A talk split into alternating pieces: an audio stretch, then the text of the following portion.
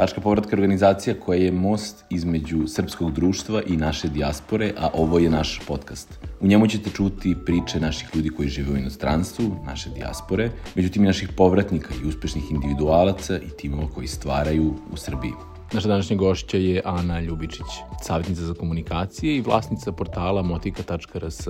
Ali motika.rs nije samo portal, već i jedna fizička lokacija o kojoj je Ana pričala u našem podcastu i to je jedna vrlo interesantna priča. Pored toga, savjetnica za komunikacije je neko ko se bavio komunikacijom na vrlo visokom nivou u Holandiji, gde je živela sa suprugom, oboje su povratnici nakon dugog niza godina rada na vrlo visokim pozicijama u internacionalnim kompanijama. I evo, Ana se vratila u Srbiju i dalje radi to što je profesija, međutim radi i na onome što je pasija, a o tome ćete čuti. I zaista ja sam imao jedan dojam da je to jedan nekako sudar svetova, jedna internacionalna karijera sa jednom lokalnom ili nacionalnom željom da se probudi nešto staro, nešto zaboravljeno i da se vrednuje to nešto. A šta je to nešto? Saznajte u našoj epizodi i nadam se da ćete uživati u ovoj epizodi kao što sam ja uživao u razgovoru sa Anom Ljubičićem. Ana, dobrodošla. Ovaj, ja bih taj, pre nego što počnemo, mi smo već krenuli u neke teme pre nego što se i kamera upalila i nastavit ćemo nekako dalje u tom, tom, tom nekom ritmu, ali ajde ljudima koji te ne znaju, predstavi se Predstavi e, se i meni na kraju dana, mi smo se danas upoznali. Tako, da. tako je, tako je. Pa ja sam Ana Ljubičić i ja sam savjetnica za komunikacije, a između ostalog i inicijator um, projekta motika.rs. To je najkraće. E, ja sam e, preko 20 godina radila u jednoj od najvećih IT firmi u svetu kao menadžer za komunikacije i tu sam radila vrlo konkretan posao komunikacije sa klijentima i sa zaposlenima.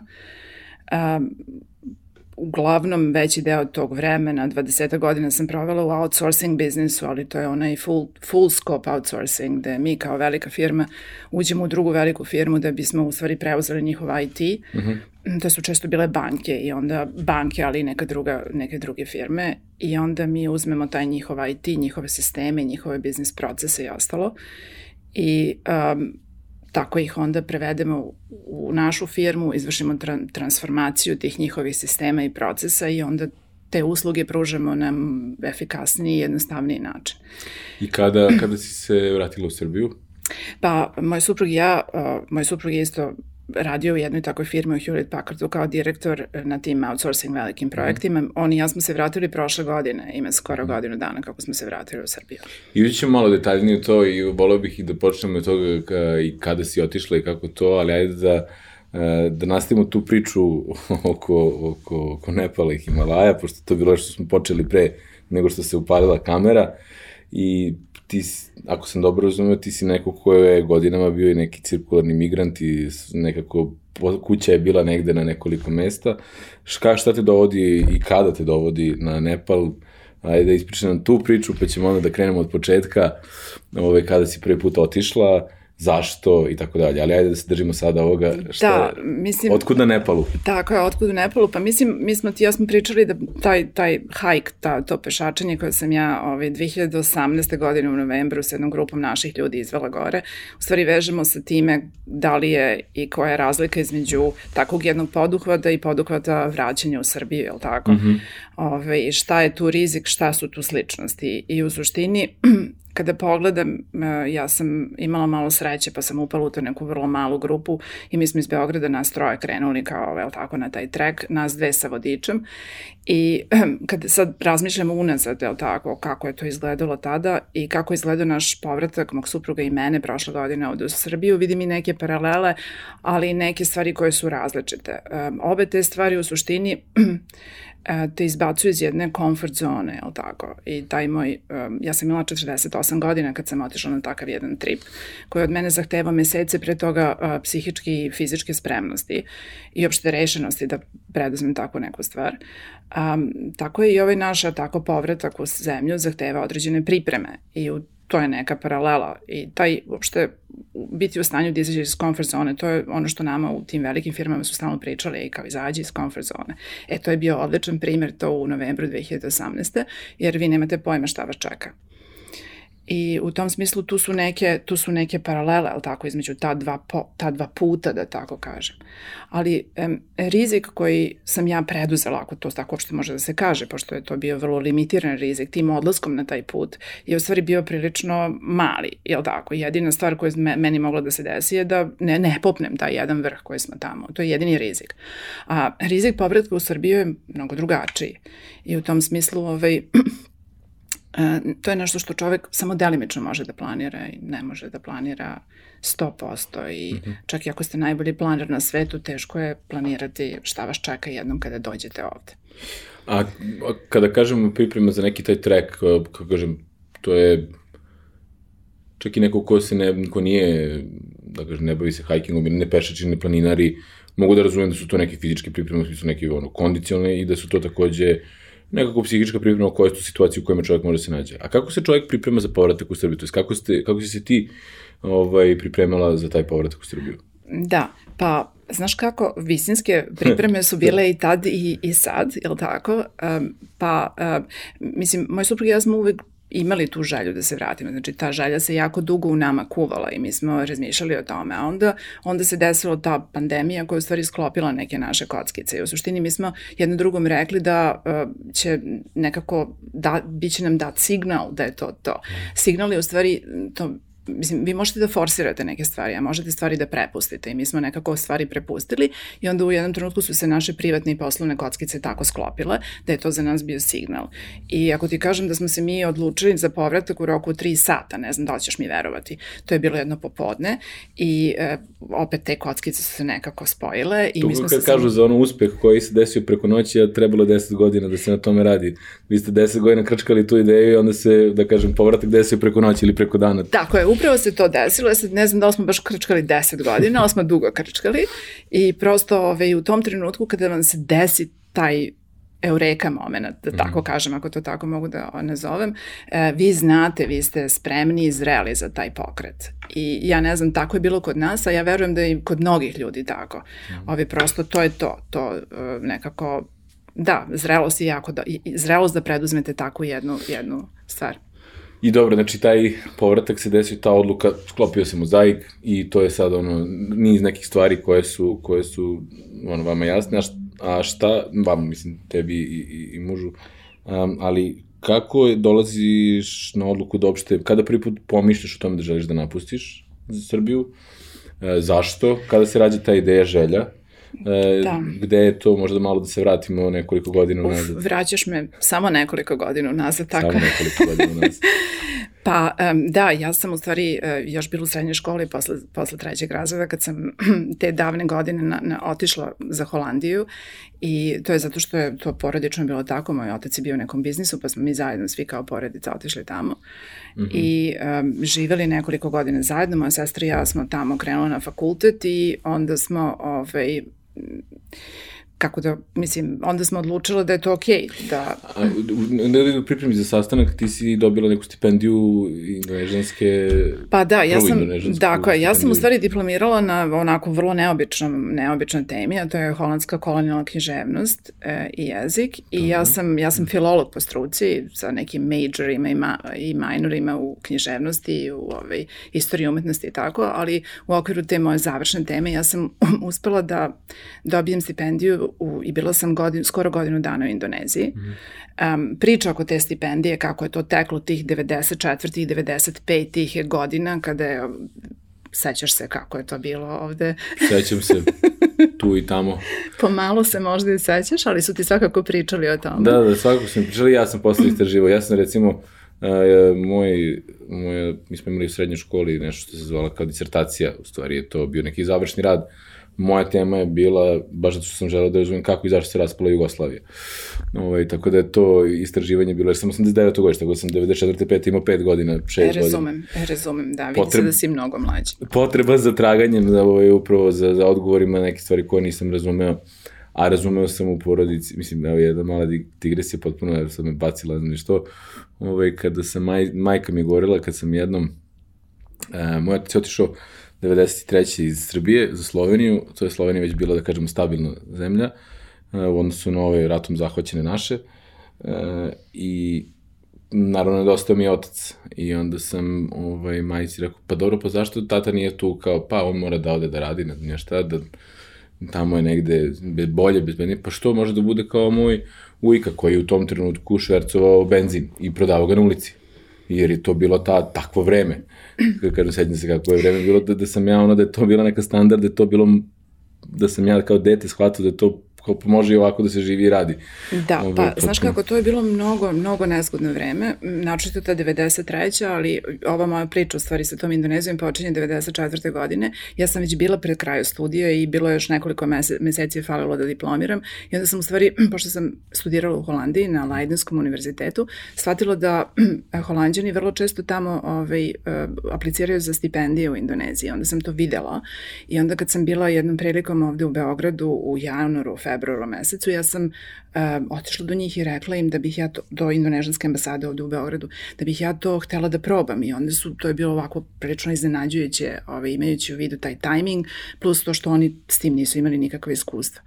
Tako da ovaj, ja sam podnela svoje dokumente ovde u ambasadi u Indoneziji u Beogradu, e, misleći su moja šansa da tu stipendiju dobijem odavde mnogo veće nego, nego iz Holandije. Mm -hmm. I to se u stvari tako ispostavilo. I ja sam ovaj, u avgustu mesecu te godine ovaj, e, krenula tamo putem potpuno neizvesnosti i ja sam imala 23 godine, ako se ne veram, u tom trenutku kada sam krenula. U koliko godina e, si već bila u Holandiji tada kada si otišla pa, u tad sam bila, ja mislim da sam bila jedno 5-6 godina u Holandiji kad se to desilo, ako se ne veram. Mi smo otišli 88. ovo je bila 94.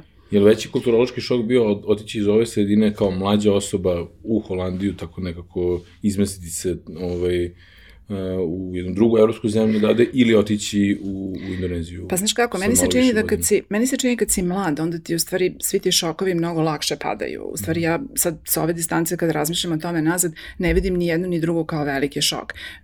Ja jesam izvučena ovde iz gimnazije na kraju trećeg razreda i izmeštena tamo negde u neku Holandiju, u neku školu i ostalo i to jeste na mene ostavilo određene, ovaj, stvorilo određene pritiske i ostavilo neke lepše i ružnije sećanja, ali taj sam čin odlaska u Indoneziju je bilo fantastično. To je mm. bilo jedno od mojih najlepših iskustava u životu koje sam imala.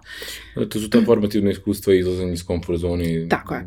Slično nešto Ja sam recimo moj fakultet odabrao isto baš zbog toga što je mor, me naterao da provedem dva semestra van Ja sam u Londonu studirao, naterao me da, provedem, da provedem na jeziku na kom sam učio, ja sam španski učio, pa sam bio u, u Španiji godinu dana.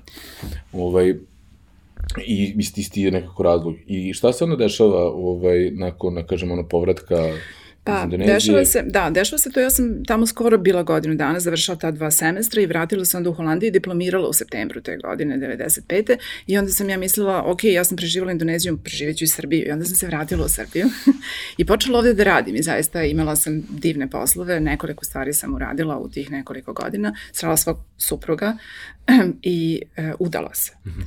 Ove, to je isto dobro bilo iskustvo. Um, E, ali e, onda, sam, onda su počeli te neke, te neke grozne godine, 98. 99. i ja, mene su počeli da zovu na, na određene poslove u Amsterdamu i kao prevodioca i za neke druge stvari. Ja sam prosto dobila posao i vratila se tamo u Holandiju, Amsterdam. E, umeđu vremenu je Zoran došao za mnom i tako smo onda ostali oni, ja i tako počinje naša zajednička priča u Holandiji koja je trajala do pre godinu dana. Znači to je praktično 20, 20 godina života u Holandiji i šta su recimo sada, šta su bili neki trenuci, na primer, um, ajde kažeš da ste razmišljali godinama o tome da se vratite sad neka, neki, sigurno neke prelomne tačke desile, ali recimo kada bi sada nekome objašnjavalo, da meni, uh, iskustva tih 20 godina života, šta su neki kao na, najlepši momenti ili šta je nešto što ostaje kao zaovek ovaj, upečatljivo u tvom sećanju i šta su recimo stvari koje su ti najviše nedostajale ili zbog, da li su pod, i na kraju dana to je bio razlog za povratak neke stvari. Koje su, da, kako, kako tih 20 godina sumiramo u par rečenica? Da, teško je to ispričati zaista. Mi smo, Zoran i ja smo imali fantastičan život u Amsterdamu, zaista i uopšte Holandija je jedna famozna zemlja. Sigurno, sigurno sam da si bio i da mm -hmm. si mhm. video i tako. I ovaj, sa, sa jednom tako, kako da kažem, jedna, jedna potpuno civilizacijski jedan vrhunac koji se desio, se vjerojatno desio u tim nekim zemljama ovaj, zapadno severozapadne Evrope, ako tako mogu da kažem. I što se toga tiče, zaista mnogo smo putovali, što poslovno, a što privatno. I u stvari taj, ti naši, jel tako, susreti sa ljudima iz različite kulture, ali to nama bilo dostupno i moguće, su nešto što je u stvari posledica našeg posla tamo, jel tako, to, to, to, to, to, to nam je omogućeno. I mislim, to, to su stvari koje se na, najviše sećam. I uopšte, mi vrlo često pričamo o holandjanima kao jednoj naprednoj civilizaciji. To, to uvek, to uvek uh, o jednoj skromnosti koje imaju, iako su strašno bogata i neverovatno uspešna nacija, imaju određenu vrstu skromnosti o kojoj mi možemo ovde u Srbiji mnogo da pričamo i možda nešto i da naučimo od njih. Tako da to su neki highlights koji se ja sećam, ali tako. Um, a Pravo da ti kažem, pa ne znam šta mi je nedostajalo, pošto je to jedan bio pun život, ili tako. Um, razlog našeg povratka je bio to da smo hteli malo više prostora oko sebe. Živali smo na devetom spratu u Amsterdamu, imali smo balkon od dva kvadrata. Na tom balkonu sam ja gajila tri velika drveta, tako da apsolutno ni od tih dva kvadrata nismo imali praktično nikakve, ovaj, nikakve vajde. A onda se desila ta pandemija koja nam svim, mm -hmm. i mi mhm. smo praktično se zatvorili unutra. Mm -hmm. I to je onda tu našu slobodu koja nam je bila omogućena sa tim putovanjem i ostalo svelo na praktično nula. I ove, ovaj, to je, uh, mislim, u jednom trenutku treba ti malo, je tako, ima ljudi koji dolaze iz Kanade, iz Australije, oni žive neki potpuno drugačiji život i prostor, fizički prostor je za njih možda ne toliko važan kako je za nas bilo. Tako da ja, sam, ja sad provodim svoje dane jako mnogo napolju i taj outdoors, mislim, ne samo zbog tog projekta Motika o kojem ćemo pričati, mm -hmm. nego prosto zato što e, volim pešačenje i jako mnogo sam. Kad sam se vratila ovde, prvi še, u prvi šest meseci sam um, sama izvezla preko 8000 km. Mm -hmm. I mislim, mislim da je to, možda ako pričamo i obraćamo se nekim ljudima koji razmišljaju o tome da se vrate. Možda je to jedna stvari koja je meni strašno značila. Ja sam želela da vidim koja je to Srbija u kojoj se ja vraćam i onda sam u tih šest meseci zaista videla mnogo više nego što sam za ceo svoj život ranije. Znači išla sam po mestima zato što sam i videla da je nešto interesantno u tom mestu, ja sam čitala u štampi, na internetu i tako i onda bih sela u kola otišla, videla šta se tamo dešava, e, dosta pešačila, pela neke vrhove po južnoj Srbiji, uopšte u zapadnoj Srbiji gde smo mi velikim delom e, locirani I ove, prosto nekako to je to bilo. Ja sam bila strašno željna upravo te Srbije da vidim kako to izgleda i šta se tamo dešava i kako i ljudi žive tamo i to sve. I kako je, da, kako je tvoja nekako presuda bila na kraju kada si prošla tih 8000 km? Šta bi rekla Kakva je to Srbija u kojoj si se vratila? Pa znaš kako, ovaj, uh, fantastično je. Dobro, drago mi da čujem. Ja sam slično nešto pa radio, ja sam isto tako 2014 nakon 10 godina života u inostranstvu seo sam u kola i samo okolo išao i tako da imam to, slično to, je, to je nevjerojatno, to je takva bila strašna potreba kod mene, ovaj, da, a, pa zna, mislim, mi znamo kako je ovo zemlja, ali tako? Ovaj, tako da, um, ja imam jednu prijateljicu koja se posle velikog dela svog života iz Londona vratila u Herceg Novi, ovaj, tamo živela. Ona se vratila ima jedno 4-5 godina kako živi dole i ja sam u, u svojoj pripremi za ovaj dolazak, je tako, poslala njoj poruku i rekla, ej Lela, kako ti se sad sve čini ovo? I ona je samo rekla, best decision ever. I to bi bio moj odgovor ovaj, nazad. Ja ne želim ovde da dajem nikakav portret idealne sredine, jer Srbija by no means je mm. idealna sredina, ovo je zemlja u razvoju mm. i svi problemi koji postoje u zemlji u razvoju postoje i ovde. Tako da mislim da neki due diligence, ljudi koji hoće da se vraćaju je jako, jako potrebna stvar. I pričali smo o nekog, možda nismo dovršili tu temu pripremamo za povratak i ajde da kažemo preprekama za povratak. Koje su bile e, prepreke prilikom povratka za tebe i za, za vas kao, kao par? I e, šta su, ajde da kažemo, ta priprema očigledno je bio i poziv sa nekim ko je prošao to povratničko iskustvo mislim Balkan, Herceg Novi, povratak bilo da je tu Da, lepi Herceg Novi, tako lepi da. Lepi Herceg Novi, sve. Ali to su opet neke pripreme. Šta su još bile neke pripreme i šta su bile prepreke? Pa, znaš kako, ovaj, pošto je naša e, odluka pala tako strašno brzo, je li tako, u ta tri sata tog popodneva, onda smo mi sve jako, mislim, pazi, kad se to desi, kad se te kockice sve sklope o kojima smo pričali ranije, onda nastaje jedno potpuno ludilo, mene je strašno uhvatilo trema. Znači, onog čega se sećam uhvatilo, posle te odluke, znači to veče, me mhm. uhvatila stravična trema, a onda je me uhvatilo i neko neverovatno sreće, je li tako? I mi smo onda u suštini, Zoran i ja uspeli da se spakujemo u roku od 17 dana. Mislim, to je neverovatno, ali ono što smo hteli... jedan život praktično od 20 da. godina spakovati se 20 Tako dana. Tako da mi nismo imali zaista nikakvih, da kažem, velikih prepreka u životu. Imali smo vrlo fleksibilne poslove koje smo mogli da handlujemo na takav način, pa je to onda bilo i lakše ali mi smo bukvalno za manje od mesec dana bili predstavljeni od momenta kad smo doneli odluku. Mm -hmm. E sad, Holandija je blizu, pa je to da. jednostavno, ali tako da ja ne mogu baš da pričamo o nekim konkretnim preprekama. E, za mene život u Srbiji nije, e, nije on je malo egzotičan, ali nije ne, nepoznanica, mm -hmm. tako, pošto smo mi ovde, imamo familiju, pa smo dolazili ovde vrlo često i tako. A šta da znači život u Srbiji? Gde je on, e, u tvom konkretnom primjeru, gde je on rasprostranjen, da kažem. Pa, da ti kažem nešto, da, to je super što me pitaš, to, zato što hoću da pričamo o tome. Posle tih 8000 km u stvari koje sam ja prešla i malo shvatila gde se nalazim i koje su, kakvi ljudi žive, šta, šta od njih možeš da očekuješ, šta ne možeš. Um, onda smo ovaj, um, um, onda sam ja došla na jednu neverovatnu ideju, čini mi se, čini mi se da je neverovatna ideja, ne znam.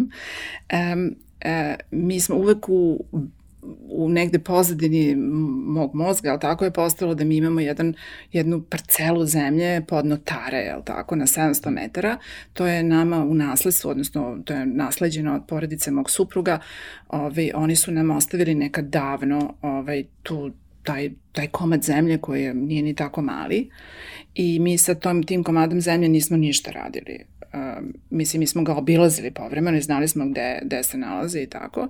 I onda smo, ovaj, onda sam ja nekako U stvari, možda bi priču trebalo da počnem drugačije. Možda bi trebalo priču da počnem da je u toku tog leta prošlog, za tih uh, nekih mesec, dva dana, tri kad se jede taj neki čuveni naš paradajz, zbog koga se mnogi ljudi vraćaju, ne vraćaju se oni zbog paradajza, nego zbog hrane, te, taj, postoji taj mi da je u Srbiji hrana fantastična. Ja sam u tom periodu uspela u stvari samo dva puta da kupim dobar paradajz. Jedan put se desilo ovaj, od jednog eh, domaćina iz Požege i taj njegov paradajz sam kupila na Zlatiborskoj pijaci od njegove uh mhm. -huh. sestre, a drugi put se desilo od jednog organskog eh, gazdinstva u Vojvodini, eh, gde sam uspela da naručim i iznenadili uh mhm. -huh. su me kad je stigao taj. Znači, znači za, ta sezona možda traje 2-3 meseca i ako vi u toj sezoni pojedete samo dva puta, onda se pitate, hej, da li je to ono čega se ja sećam od ranije? I, um, i zaista ovaj, um, to je jedan od mitova u Srbiji. U Srbiji se jako dobro jede samo na nekim mestima. Ova, ova priča koju ja pričam je priča sa beogradskih pijaca, a pravo da ti kažem ni pijaca u unutrašnjosti nisu mnogo drugačije. I pošto sam ja videla to sve, a vratila sam se između ostalog da bih jela malo bolje i kvalitetnije, onda sam pomislila šta mogu ja da uradim i pošto sam imala tu njivu, jel tako, u pozadini, onda sam razmišljala šta i kako i malo smo seli, razgovarali i došla sam na ideju da na neki način revitalizujemo to imanje koje nam je ostalo u nasledstvo i ono se nalazi, rekla sam ti, na 700 metara i prosto gajiti paradajz i napraviti jednu porodičnu baštu na 700 metara je na neki način pa malo izazovno, zato što mi smo tek sad izašli iz snega. Ove, ovaj, u nedelju nam je pao sneg, ali sad ga više mm. nema, tako da ove, ovaj, i to je ta priča o motiki. E sad, kad sam ja počela na to, o tome da razmišljam da bi ja tu nešto htela da želim da pomenem da od svega toga ne bi bilo ništa, da pored nas um, ne žive ljudi na placu pored našeg, ne živi porodice, to su uh, fantastični Nikola i Dragana. Oni žive tu sa svojom decom i oni su tu ostali ovaj, na selu i e, oni su vodili računa o toj našoj, e, da kažem, njivi koju smo mi, oni su kosili. E, znači, to je praktično bila livada koju su oni mm. kosili svih ovih godina i to seno koristili naravno za prehranu svojih životinja. I kad sam ja došla ovaj, i sa Nikolom porazgovarala o toj celoj ideji, on je bio potpuno ushićen da neko hoće uopšte da se vrati i da tu nešto napravi od svega toga. Nikola i Dragana su među vremena posle moj najveći oslonac zaista i moji mentori u poljoprivredi. E, znači da nije bilo njih, ja u stvari ne bih mogla nikad ni da se vratim na taj deo, jer oni sad meni strašno mnogo pomažu i uče me šta i kako. A onda, kako je vreme prolazilo kako je ta, ta ideja sazrevala, onda je nastalo ime Motika, je li tako? Ime motika je u stvari, znaš, ono, svi misle oruđe i to, e, pa nije samo motika, mnoge stvari znači ove, a u stvari za mene je značilo, mi smo našli da je to ime za uh, površinu, da je to mera za površinu, stara mera i da ona iznosi negde oko 800 kvadrata ili 8 ari i nekad davno kad pitaš nekog domaćina koliko imaš ti te svoje njive, a on ti kaže imam dve motike, znači imam, je tako, 16 stari. I meni se to strašno dopalo. A umeđu vremenu sam onda shvatila da motika znači, nemam pojma, čak i ima neki futbaler koji se preziva motika. Mm. To su mi, to su da. mi posle rekli, to nisam znala. Ali pazi, ima, ono... Ima i advokatska kancelarija za koju mi sarađujemo. E, vidi, da. mislim, eto, nisam znala, ali to je vjerojatno nečije prezime, pretpostavljam. Da, da, ovaj, da, da, prezime, da, da, postoje da. prezime kao motika. Žena Željka Motika, ona nam je, bukvalno, ona nam je pomogla da se inkorporiramo ovdje ona nam je ceo proces provela, da smo bili, gledali smo sigurno Željka nije srećna što postoji sajt motika.rs ovaj, ne, ne, sam bukvalno da, pa, šala je ona. Ali... Mislim, pazi, motika ima tako mnogo, ja sad da. kad, sam, kad sam uvela to ime motika, onda sam shvatila da strašno ima mnogo različitih značenja i da to može da se koristi, ima mnogo izreka i tako. I kako sam malo putovala ovaj, po, po Srbiji i tako, onda ljudima pričam kao, ej, kao znaš, imam moću tamo neku porodičnu baštu da mm. posadim i ovaj, to je manje sam nazvala motika, oni kažu, jao, kao beži, svi beže od motike, samo da se ti vraćaš. Da. Tako da. A ovaj, šta je, da kažemo, neki kao, mislim, imam tu milion pitanja, zato što... Da, razumem da imaš, imam i ja mnogo odgovora.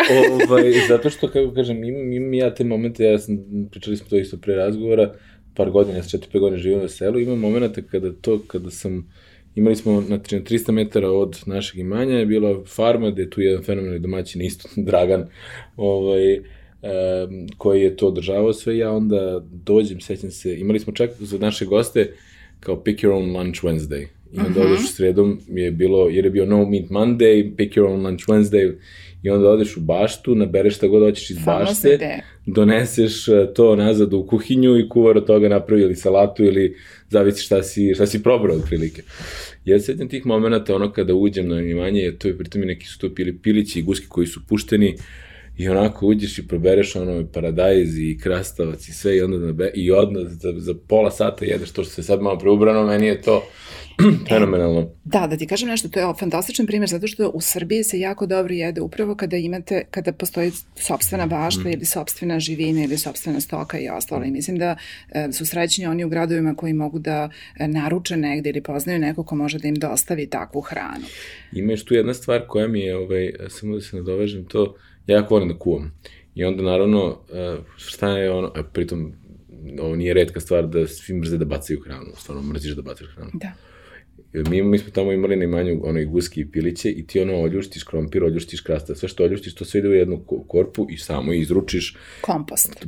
Mi, mi nismo, kom, mislim, kompostirali smo nešto malo, ali ovo je bukvalno, um, pošto guske sve pojedu. I onda samo izbaciš kod gusaka i gusa samo to, samo toga više nema. Da. I nema smeća. I nema ono, i pritom imaš osjećaj da ništa nisi ono, neki, gledali smo neki ono food cost, ono waste cost, ono kao nešto 2%, 1% smo je uspeli, jer šta god ostane od gostiju, to, to sve završi kod gusaka. To se na neki način da. reca, reciklira, da, da, da, tako? Da, to je neka da, vrsta. To je... Ne, to je, to je jako dobar primer i moram da ti kažem da sam ja malo ulazići u tu celu materiju videla da u Srbiji ima jako mnogo tih pokreta toga tipa. Mm -hmm. To je neka ekološko-poljoprivredna priča o kojoj mi sad pričamo, mm -hmm. tako, ti ja. Kako si se ti tu zainteresovala? Znači, neki, jer ono, ti si radila u nekoj, pa... u komunikacijama, u nekoj tech industriji i govoriš o outsourcing i sve to nešto je potpuno, ne mogu kažem nepovezano, ali objektivno i nepovezano sa, sa takvom poljoprivredom i tom nekom da kažemo, nazovemo ga iskonskom ovaj, poljoprivredom. Kako, kako dolazi do tog interesovanja? Shvatio sam ta neka dva, tri drveta na, na, na, na terasi, ali gde tu, gde tu se rađe ta, ta ljubav prema tomu? Pa, znaš kako, ja sam, ja sam uvek strašno čeznula za prirodom, zato što prosto živeli smo i Holandija je generalno jako mala zemlja, ali tako, i vrlo uh, uh, tako nabijeno populisan, je tako, gradovi prelaze u selo, selo u gradove i tako, i sve to, ovaj, uh, tako da je prostor tamo jako veliki problem. I, uh, međutim, ja sam uh, uspela 2016. malo da se pozabavim tamo, da počnem privuklo me neko, neko udruženje pčelara, pa sam malo išla, razgovarala s njima, onda su oni organizovali neki kurs e, za specijaliste pčelenjih proizvoda, pa je tako sam na ta mala vrata ušla da, da malo bolje vidim šta se tamo dešava u toj, u toj um, poljoprivrednoj sferi, u tim ekološkim stvarima. Pčele su apsolutno osnove svake, svake naše biodiverziteta, naravno. I tu je počela ta priča da me malo više privlači, da mi otvara neka vrata i saznanja. Eto, to je tako krenulo. Uh, pa... I, ovaj, I onda nekako se spoji to da postoji nešto što je već, da kažem, ono, u porodici i da nešto što je, što je u nekom nasledstvu i rađa se neka ideja. Šta je možda neki, da kažemo, ono, krajnji cilj, gde, gde, gde bi ti volila da Motika bude za, ne znam, 10 godina? Pa vidi ovako, ovaj, um, ovo je, jel tako, ja sam spojila ovde nekoliko elemenata. Ja nešto radim za okolinu, radim nešto za sebe, a kao što si video ovde ima dosta elemenata za neku dobru priču, jel uh mhm. -huh. tako? A to je moj biznis, jel tako? Komunikacija ipak uh mhm. -huh. ostaje moje i ja i dan danas radim u struci, pored toga što tamo idem nešto sejem. Ove, ovaj, tako da um, ovde imamo u stvari sve elemente jako dobre priče, ali tako, imamo jednog pretka koji je ostavio, imamo jednu njivu, imamo dva povratnika, imamo tu, jel tako, te neke pčele i ono što je najvažnije, uh, ja sam stupila u kontakt sa uh, fantastičnom Ivanom Petrović iz ekološkog pokreta Okvir života i ona ima jednu osnovnu banku starog semena i ta priča u stvari je ono na što ja, kako ja bih volala da se taj projekat dalje razvija. Nikola je Dragana i ja smo u stvari uspeli da um, u nek, uz neku edukaciju koja nam je pružala Ivana Petrović, koja je doktorka poljoprivrednog fakulteta ovde u Beogradu, jedna fantastična mlada osoba koja svašta zna i svašta interesuje, ona je osnovala tu prvu banku ovde u, i u periodu poslednjih nekoliko meseci uspela da osnoje, jel tako, banku tog autohtonog sorti po celoj Srbiji. To su lokalne banke, one zavise od, od zajednice, ali tako, i primarni cilj je da mi to seme koje smo jednom, taj sem, semenski materijal koji smo dobili od Ivane u ovoj sezoni e, skladištimo, da ga vratimo u cirkulaciju i da onda u jednom trenutku ga umnožimo. Znači, e, sad trenutno po Srbiji ima nekoliko takvih banki semena koje se bave samo autohtonom i starom sortom i u suštini naš cilj bi bio i moj cilj zajedno sa, sa tim mojim komšijama bi bio da mi u jednom trenutku možemo da našem celom selu i okolini i onima koji su zainteresovani da krenu malo više da se bave tim autohtonom proizvodnjom naših, naših Kako se pronalaze sorti. te autohtone sorte? Mislim, kako, pa vidi, kako ona, se definišu na početku? Da, pa vidi, mislim, to je, to je famozna priča. Ja sam u tu celu priču ušla kroz Ivanu, jel tako? Ja sam nju upoznala, onda ona rekla, hej, ajde, mi tražimo lokalne koordinatore za te banke semena. Jesi ti zainteresovana i ajde, imam ja neki drugi ljudi i hoću sad da ih provedem kroz pet nedelja edukacije o tom celom projektu i u tih, u tih nekih dva meseca koliko sam ja intenzivno bila, svašta sam čula i videla. I u suštini, st, st, mislim, to, to nije, nije nove, novi fenomen, jel tako, ti imaš onu veliku, onaj svetski trezor Jasne, semena da, u da, da, Norveškoj, jel da. tako? E, ovo je sad u malom. Znači, e, ljudi su se okupili u te neke svoje zajednice i pokušavaju u stvari da sačuvaju ono što, ono što je što su negde još pronašli u nekim teglama u podrumima i ostalo, jer um, zvanična statistika i to i Ujedinjene nacije su o tome pisale, tako, ova njihova agencija za poljoprivredu i hranu tvrdi da ovaj, svake godine gubimo između 1 i 2% bioloških resursa, a u celom 20. veku smo izgubili 75% diverziteta, što znači da smo se fokusirali samo na nekoliko glavnih kultura koje sad trenutno gajimo. E sad da nam ne bi i promakle te naše oskoruše u voćarstvu i neki kukuruz os, osmak i ostalo, onda je Ivana napravila jednu osnovnu banku i ona je, ako se ne veram, ima negde oko 150 starih sorti povrća, ima negde oko 170 sorti uh, starih voćki. I ona je sad te svoje semena bila je vrlo darežljive i počela u tim lokalnim zajednicama da ostavlja po neku, neku kesicu nekog semena. I onda ti nemaš pojma da će to da uspe na tvoje njivi, ili tako, ali to je, to je taj pionirski rad u stvari. Ja mislim da je to, da bi to bila kruna mog rada da ja zajedno sa tim nekim ljudima koje sam skupila oko sebe uspem da umnožim to što mi je ona poklonila ove godine i da dam nekom drugom trećem dalje. Šta je, ili ima neko, kao ja kažemo, ti si na tom nekom pionirskom putu zajedno sa, sa, sa njom, ali je imali neka ta prva priča uspeha koja je negde da je nešto uspelo, ne, kao neka, neka voćka ili povrećka koja je sada vraćena ili da se negde Pa kod, kod nas još u njivi nije ništa uspelo, mm -hmm. tako mi smo tek okopnili snega, okopali, mm -hmm, da, stavili, jel tako, to ovaj, stajsko džubrivo i tek sad ovaj, e, filozofiramo šta i kako dalje, kako da organizujemo tu našu baštu, jel tako, pošto mi imamo mnogo više zemlje od onog koliko smo u stvari mogli da obradimo, jel prosto mi ne možemo, imamo i neke druge poslove u životu, pa ne možemo sad da obrađujemo 40 ari, nego obrađujemo nešto yes. malo skromnije. Ove, ali da, Ivana ima fantastične priče ove, i mislim da je ona generalno dobar sagovornik za tu temu. Mnogo Super, mene. mislim ovako u nekom trenutku za neke druge stvari. Um, e, znači, ideja kako bi, onom koja bi ti bila zadovoljna jeste da to o, da motika postane neki, nazovimo ga, rasadnik tih starih uh, autohtonih... Uh, to bi bilo mnogo lepo i deo, deo te naše ponude i to se vidi na vašem... Ja bih volila isto tako da uključim neke ljude s asfalta kao što smo mi, mm -hmm. da oni učestvuju i da dođu da nam se na neki način pridruže i na... Mi smo ponudili nekoliko mogućnosti saradnje sa nama. Uh, ja to zovem crowd farming mm -hmm. i u suštini uh, ti ljudi znači koji nemaju gde da sade neke stvari mogu da dođu i da se uključu u tu našu baštu, a isto tako mogu i da usvoje drva, mogu da poklone drva, drva drugoj. Ne znam da li si video website. Jesam, jesam i pogledao sam i hoću se nadovežem na to, to mi je jedno pitanje koje ostavljam za ovo posle ovoga, tako da Dobre. u stvari možemo i odmah pređemo to. Ajde, u stvari kako možeš da usvojiš drvo, pokloniš drvo, a reći ću ti posle zašto te pitam. E, pa vidi, ovaj, e, to, su, to su jako romantične ideje, da se razumemo, to što smo mi ponudili ispred motike.rs, a to je, to je znači da u ovom trenutku e, možeš da pokloniš drvo. To znači da ti recimo imaš neku priliku životnu, a možeš i da nemaš nikakvu priliku prosto zato što želiš da, us, da pokloniš nekom drvo, imaš neku devojku, ženu i ostalo i kažeš Ana, ili imaš ti tamo neku, neku jabuku za mene, neku krušku, neku dunju.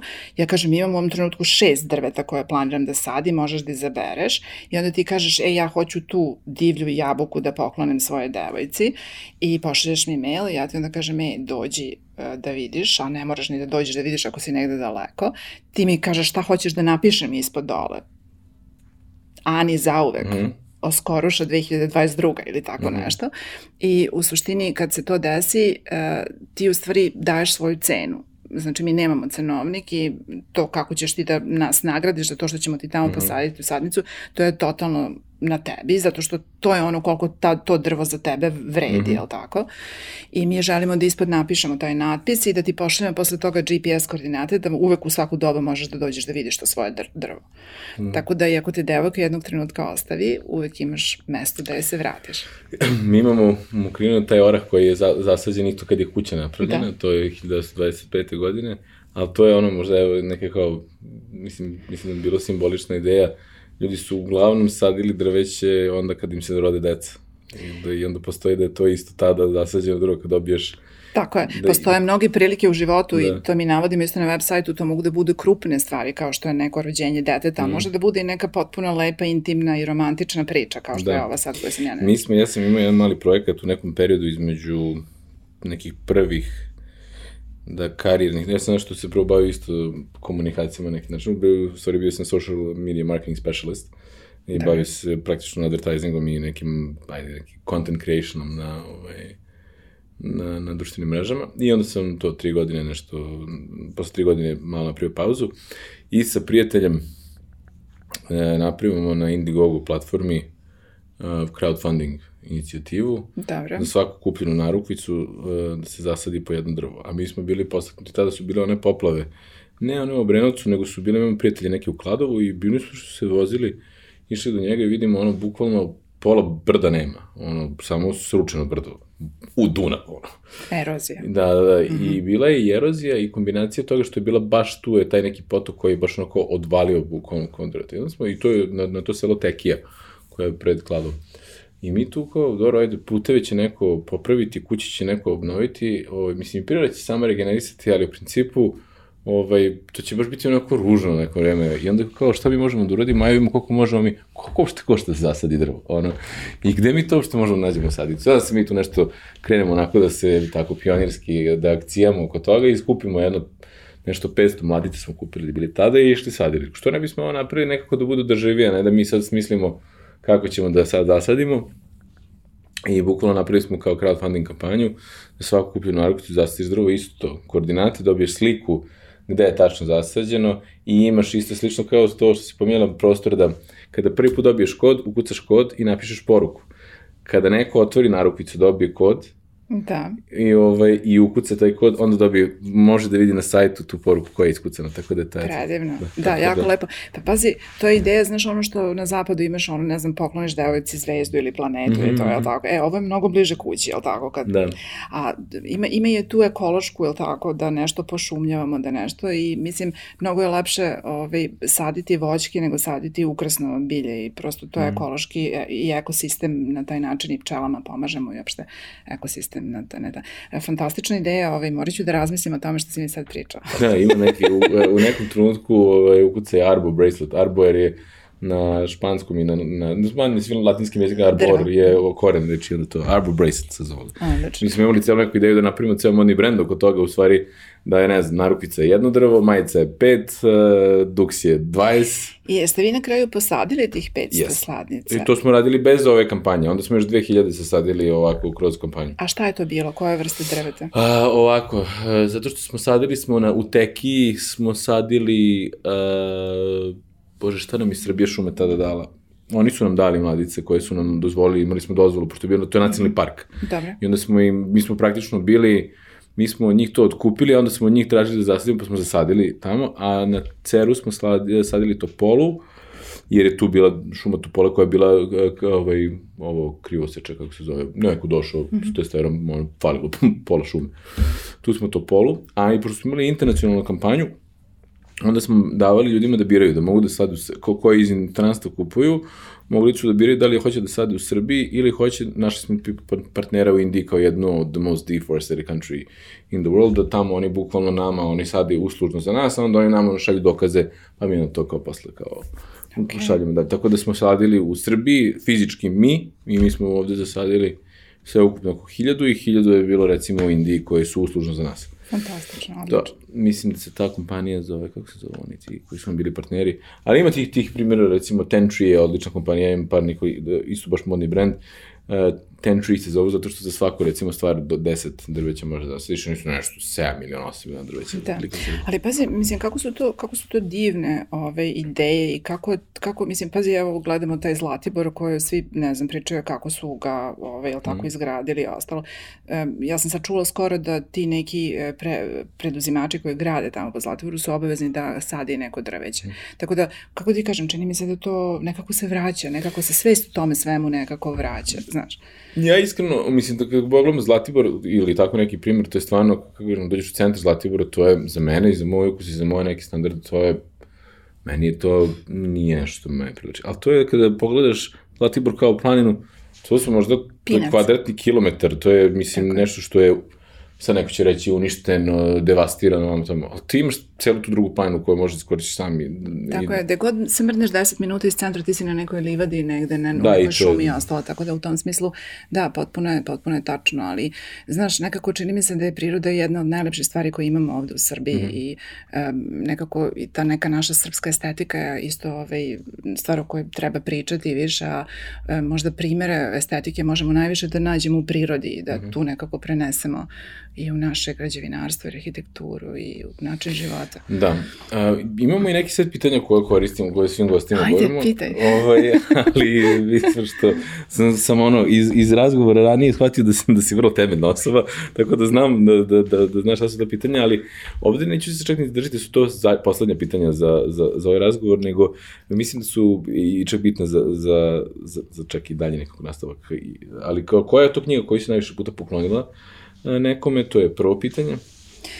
Pa da, moj suprug i ja smo ovaj, veliki fanovi Nasim Nikola Staleba, ne znam mm -hmm. da li si nešto čitao od njega, mislim da je kruna njegovog rada je ta knjiga Antifragile i mm -hmm. tu knjigu smo mnogo puta poklonili e, našim prijateljima i to jeste na neki način, da kažem, i neka osnova naše životne filozofije. Taleb u toj knjizi, u stvari, Taleb je čuven po tom Black Swanu, je li tako, ali e, čini mi se da je taj Black Swan mnogo bolje i temeljnije u stvari obradio u, u toj knjizi Antifragile, da je on u stvari priča o tim kriznim vremenima, šta se dešava kad se, kad se nađeš u nekoj kriznoj situaciji i ti možeš da budeš tako fragile, možeš da budeš robust i možeš da budeš antifragile.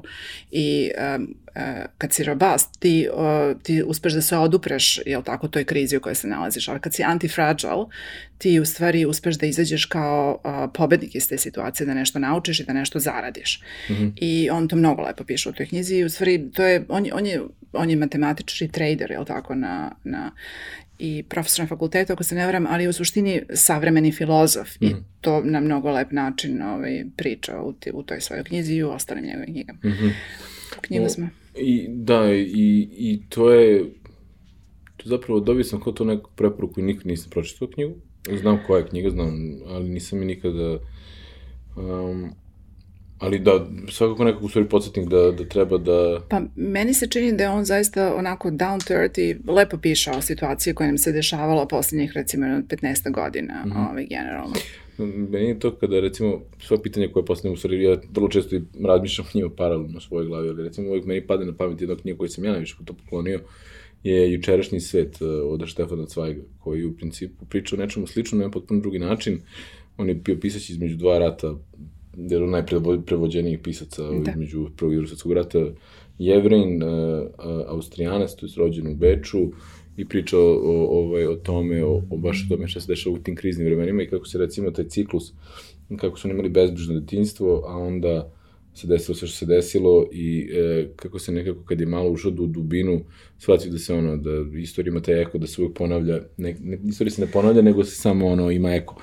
I moment tome da smo vrlo sli, meni je to jezivo kada čitam recimo sada, ponovo po treći put čitam knjigu um, jezivo mi je koliko su kao da je danas napisana ali ono, samo su imena drugačije i malo tehnologija napredna jezivo mi je to nekako to poređenje. Pa pazi, to kad si rekao, ja sam ovaj, sad za novu godinu ovaj, uzela da čitam Crnjanskog i taj roman o Londonu, ja sam njega čitala mm. mnogo puta, ne tu knjigu, ali uopšte volim Crnjanskog i to je naš Dostojevski, a ovo mi čini mi se kruna njegovog ovaj roman o Londonu i upravo o tome ta teskoba koju sam ja osjećala dok sam čitala tu knjigu i ne preporučujem našim ljudima u dijaspori da čitaju tu knjigu dok se ne vrate od zemlju, ali upravo to prepoznavanje situacije, on je tu knjigu smestio u neku radnju posle drugog svetskog rata i ta, ta je tako, ruska emigracija u, u, u Engleskoj i tako, ali to je toliko savremena stvar, to je, to je ono što se dešava svima nama i odnosno mnogi od nas koji su živeli na zapadu mm -hmm. i mhm. koji su bili emigranti. I sada kada si se vratila i prošla Srbiju kroz to, ono, tih 8000 km i i generalno sad ovo nazivaš, nazivaš domom, šta je ono što je jedna stvar koju da imaš tu magični štapić promenila u, našem društvu? Pa, znaš kako, kada bih imala sad magični štapić, e, pa prvo kad bih udarila, ovaj, mislim, volila bih da uh, u celoj Srbiji, ako je moguće, uradimo te fasade na tim kućama i da tim ljudima nekako ovaj, omogućimo i pomognemo da završe te svoje kuće.